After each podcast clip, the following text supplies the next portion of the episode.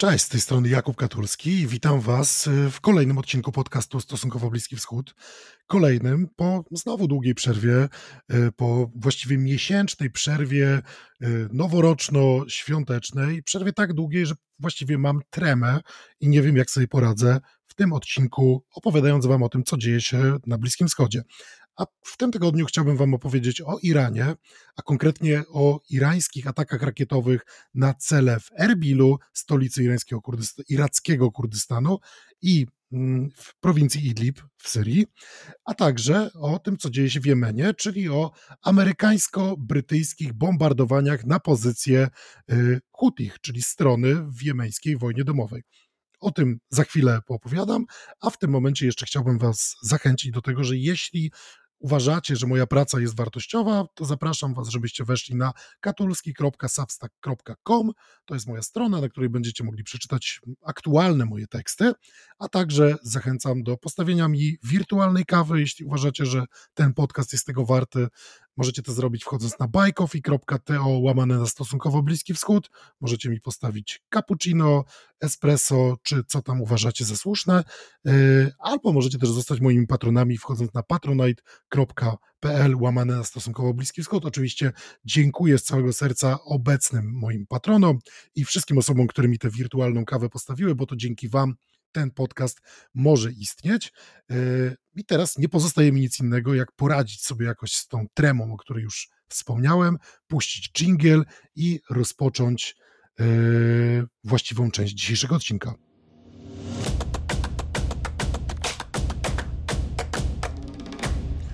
Zaczynamy od Iranu, tak jak zapowiedziałem.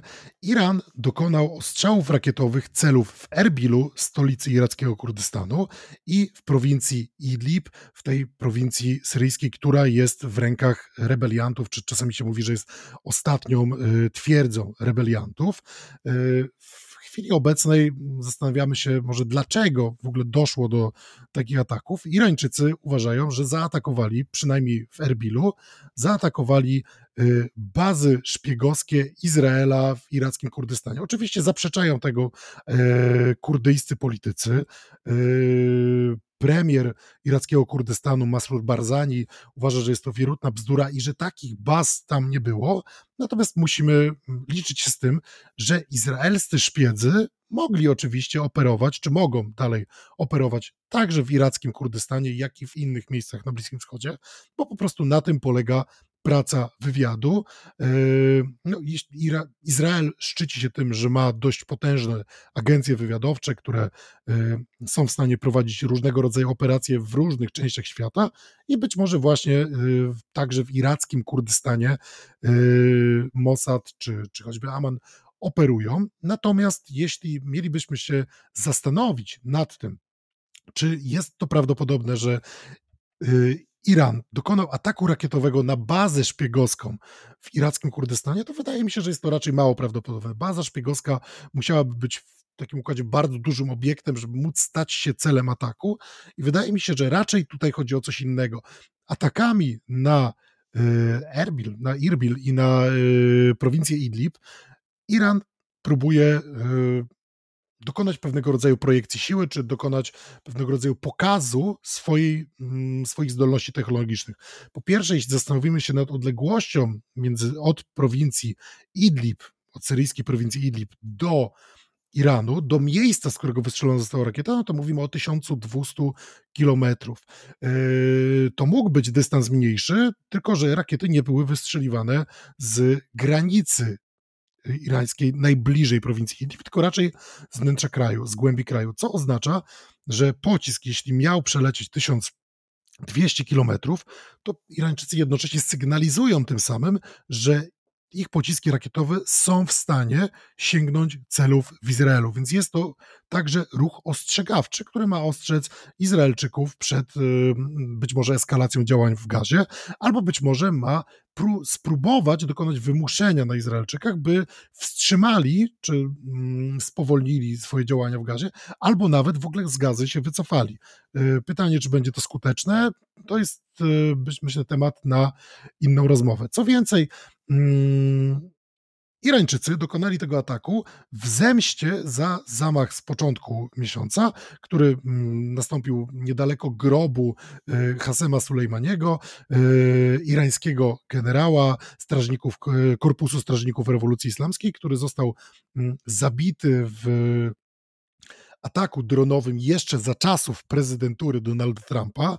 E, co więcej, to był atak wymierzony prawdopodobnie na osobisty rozkaz Donalda Trumpa. W tym zamachu, y, ten, ten zamach miał być jednym z najgorszych ataków od czasów rewolucji islamskiej y, przeprowadzony y, na Irańczykach. I mm, co prawda przyznało się do niego państwo islamskie, tak, to państwo islamskie, Daesh, to państwo islamskie, które wciąż żyje, wciąż istnieje, chociaż jeśli obserwujemy nasze media, to wydaje się, że mm, już być może ta organizacja nie funkcjonuje, ale jednak jest ona jak najbardziej funkcjonująca. I dalej groźna, y, to i tak Irańczycy obarczyli winą za to przede wszystkim Izrael, uważając, że to właśnie izraelscy szpiedzy czy izraelscy agenci są odpowiedzialni za tego rodzaju zamach. Stąd też mm, takie jest wyjaśnienie. Y, no nie, nie, podoba się ono y, Irakijczykom. Irakijczycy tego wyjaśnienia nie kupują, bo dokonują pewnych dość twardych działań dyplomatycznych przeciwko Teheranowi. E, po pierwsze, ambasador, e, irakijski ambasador w Teheranie został wezwany do kraju na konsultacje.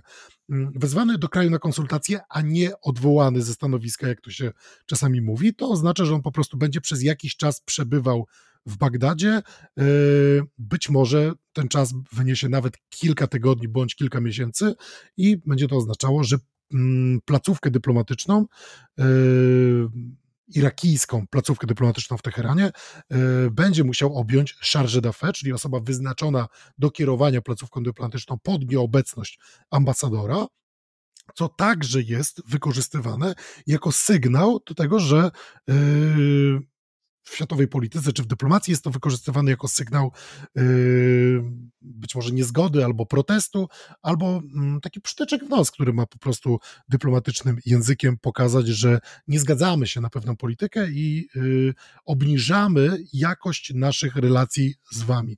Z kolei też charge d'affaires Iranu, charge d'affaires yy, Iranu w Bagdadzie został wezwany celem złożenia wyjaśnień w Ministerstwie Spraw Zagranicznych y, w Bagdadzie.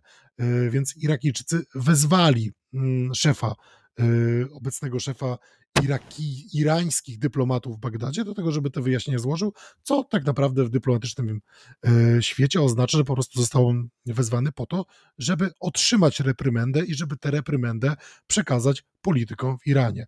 Mm, Irakijczycy także zapowiedzieli, że złożą skargę do Rady Bezpieczeństwa Organizacji Narodów Zjednoczonych na działalność Iranu. To może oznaczać, że będą oczekiwać na przykład, żeby Rada Bezpieczeństwa wystosowała rezolucję, na przykład potępiającą albo nakazującą pewnego rodzaju działania. Raczej nie będzie to rezolucja potępiająca, bo Rada Bezpieczeństwa wystosowuje raczej rezolucje nakazujące pewne działania, na przykład nakazujące wycofanie się albo rozbrojenie. I musimy tutaj też przypomnieć, że rezolucje Rady Bezpieczeństwa Organizacji Narodów Zjednoczonych są aktami wiążącymi prawnie, w przeciwieństwie do rezolucji Zgromadzenia Ogólnego Narodów Zjednoczonych.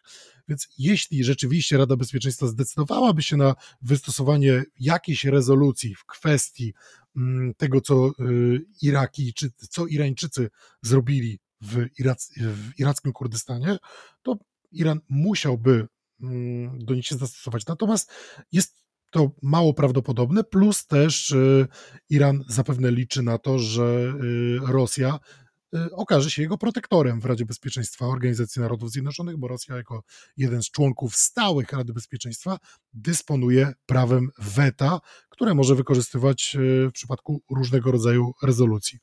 Mm, co jeśli chodzi o Iran, to widzimy też w tych działaniach, że są one tak naprawdę długą ręką tych imperialistycznych zapędów e, Iranu. Jakkolwiek źle to nie zabrzmi w tym kraju, czy, czy w polskich mediach, może i słowo imperializm się trochę wytarło, no to jednak widzimy, że Iran jako dość potężny gracz próbuje mm, pokazać po pierwsze, że nie jest zainteresowany dostosowywaniem się do amerykańskiej polityki odstraszania, nie jest zainteresowany dostosowaniem się do reguł gry, które dyktowane są przez zewnętrznych aktorów, co więcej jest na tyle potężny, by to on był krajem rozdającym karty w rozgrywce na Bliskim Wschodzie. I tak to widzimy choćby w tym, że działalność Iranu nie ogranicza się tylko i wyłącznie do ostrzeliwania mm, celów na celów, które w pewien sposób nie podobają się Irańczykom, czy też może właśnie podobają się, ale mają być y, ostrzeżeniem, ale także y, Irańczycy wspierają y, różnego rodzaju organizacje bojowe, milicje, legalne partie, które współgrają z irańskimi interesami w regionie. Irańczycy wspierają Hezbollah w Libanie, wspierają Hamas, który jest jednak też w dużej mierze niezależny od Iranu. Jest oczywiście być może korzysta finansowo na pewnego rodzaju układach z Iranem, jest przez Iran finansowany, chociaż to też nie jest największa część finansowania Hamasu najprawdopodobniej.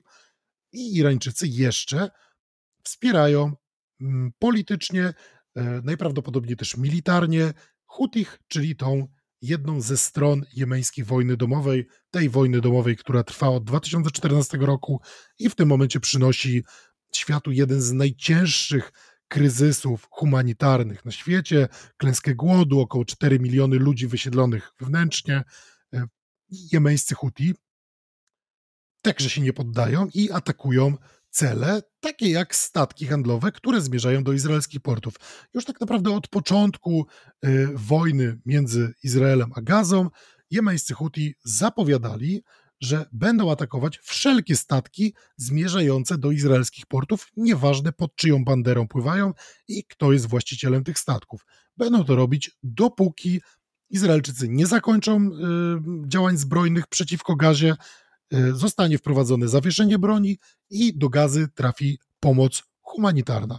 E, oczywiście zawieszenia broni w tym momencie nie mamy, pomocy humanitarnej w gazie na taką skalę, jakie oczekiwaliby Palestyńczycy, czy także jemeńscy Huti nie ma, ale Huti dzięki temu mogą e, wprost sygnalizować swoje wsparcie dla palestyńskiej walki narodowo-wyzwoleńczej, bo atakują statki, mimo że od kilku dni, przynajmniej od ostatniego czwartku, Amerykanie do spółki z Brytyjczykami dokonują bombardowań celów czy pozycji Hutich w Jemenie.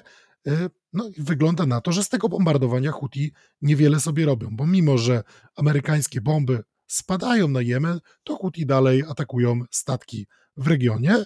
Huti zaatakowali mm, ostatnio na przykład e, statek pływający pod maltańską banderą, ale mający e, greckiego właściciela, który także najprawdopodobniej płynął do izraelskiego portu i zapowiadają, że będą tych działań wykonywać więcej i być może zapowiadali także, że będą atakować wszelkie, wszelkiego rodzaju y, amerykańskie i brytyjskie aktywa, które stały się dla nich w tym momencie celem, potencjalnym celem działań zbrojnych, co może oznaczać nie tylko cele militarne, ale może też oznaczać cele cywilne, takie jak być może placówki brytyjskich firm w Arabii Saudyjskiej. Arabia Saudyjska już nieraz padała e, celem ataków z Jemenu właśnie ze strony Hutich, także też dlatego, i musimy to powiedzieć wprost, że Arabia Saudyjska jest e, krajem, który przewodniczy koalicji państw, w tym także Zjednoczone Emiraty Arabskie, wchodzą w skład tej koalicji, która wspiera jedną ze stron jemeńskiej wojny domowej, e, a wspiera w sposób taki, że po prostu bombarduje e, Jemen i najprawdopodobniej najwięcej bomb zrzuconych na Jemen zostało zrzuconych właśnie z samolotów czy z artylerii e, obsługiwanej przez tę koalicję pod przewodnictwem Arabii Saudyjskiej i najprawdopodobniej to właśnie największa liczba ofiar cywilnych spowodowana została atakami ze strony koalicji pod przewodnictwem Arabii Saudyjskiej.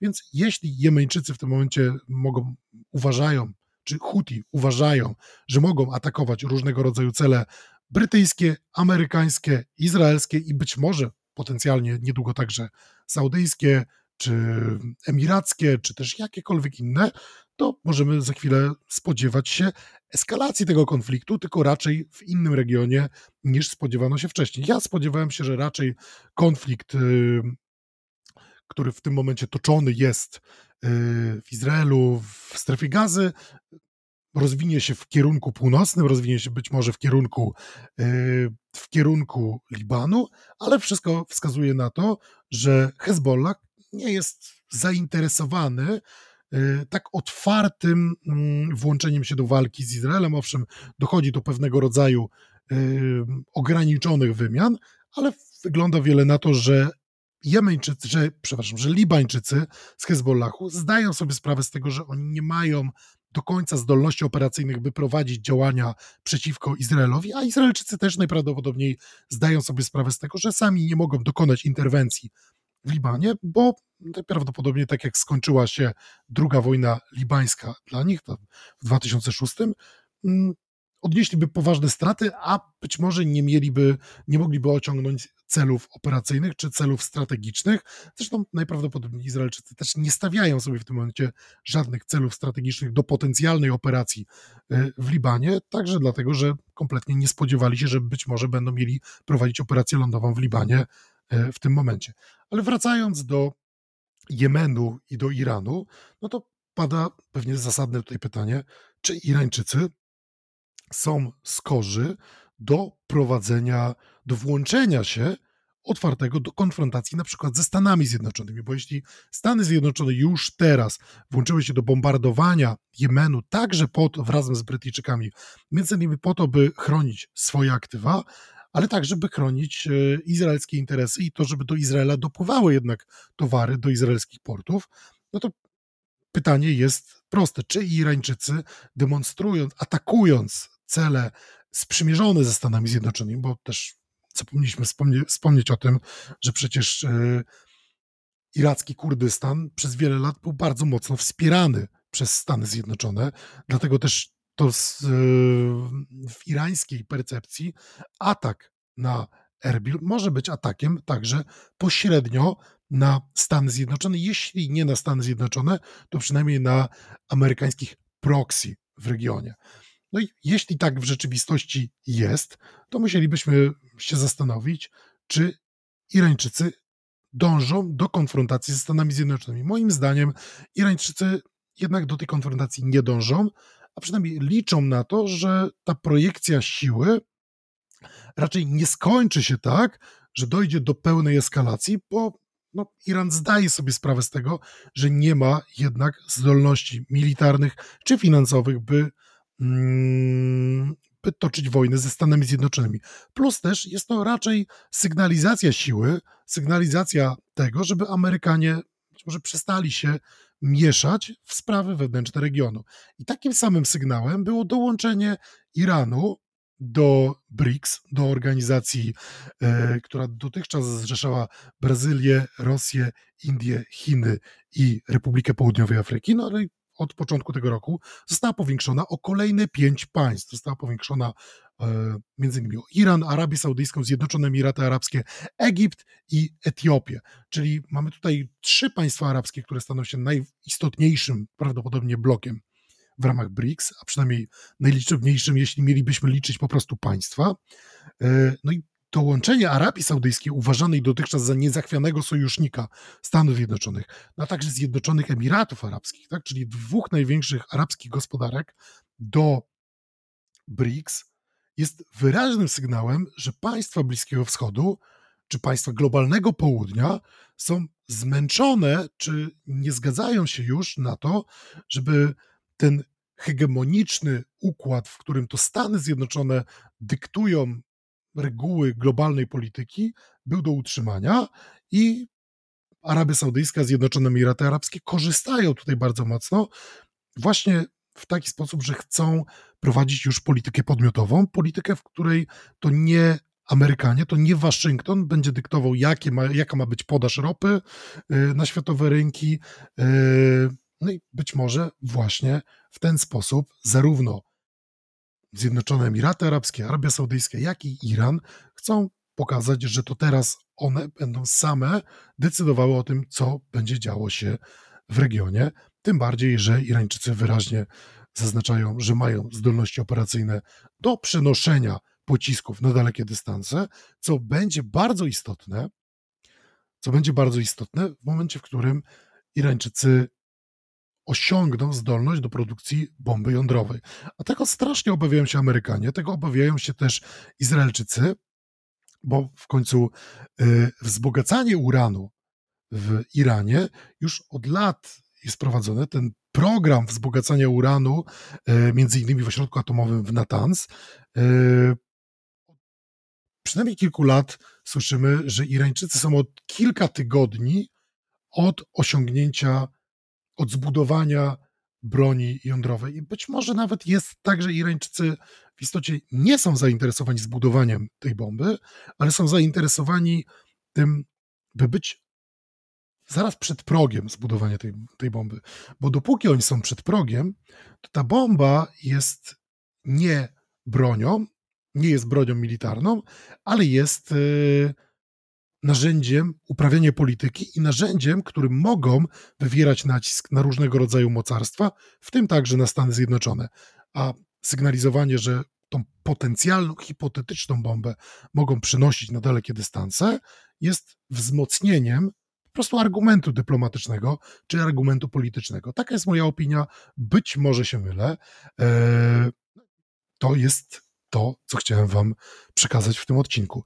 Oczywiście wrócimy jeszcze do kwestii tego, co dzieje się w Izraelu i w przyszłych odcinkach wrócimy także do, mm, bo będziemy musieli to poruszyć, do tego, co dzieje się w Międzynarodowym Trybunale Sprawiedliwości w Hadze, gdzie toczy się proces Izraela, wytoczony Izraelowi przez Republikę Południowej Afryki o domniemane, musimy w tym momencie mówić, domniemane ludobójstwo w Gazie, no bo toczy się dopiero proces, jeszcze nie padł wyrok, e, ale do tego wrócimy w następnych odcinkach. Mam nadzieję, że e, wynieśliście coś z mm, słuchania mnie.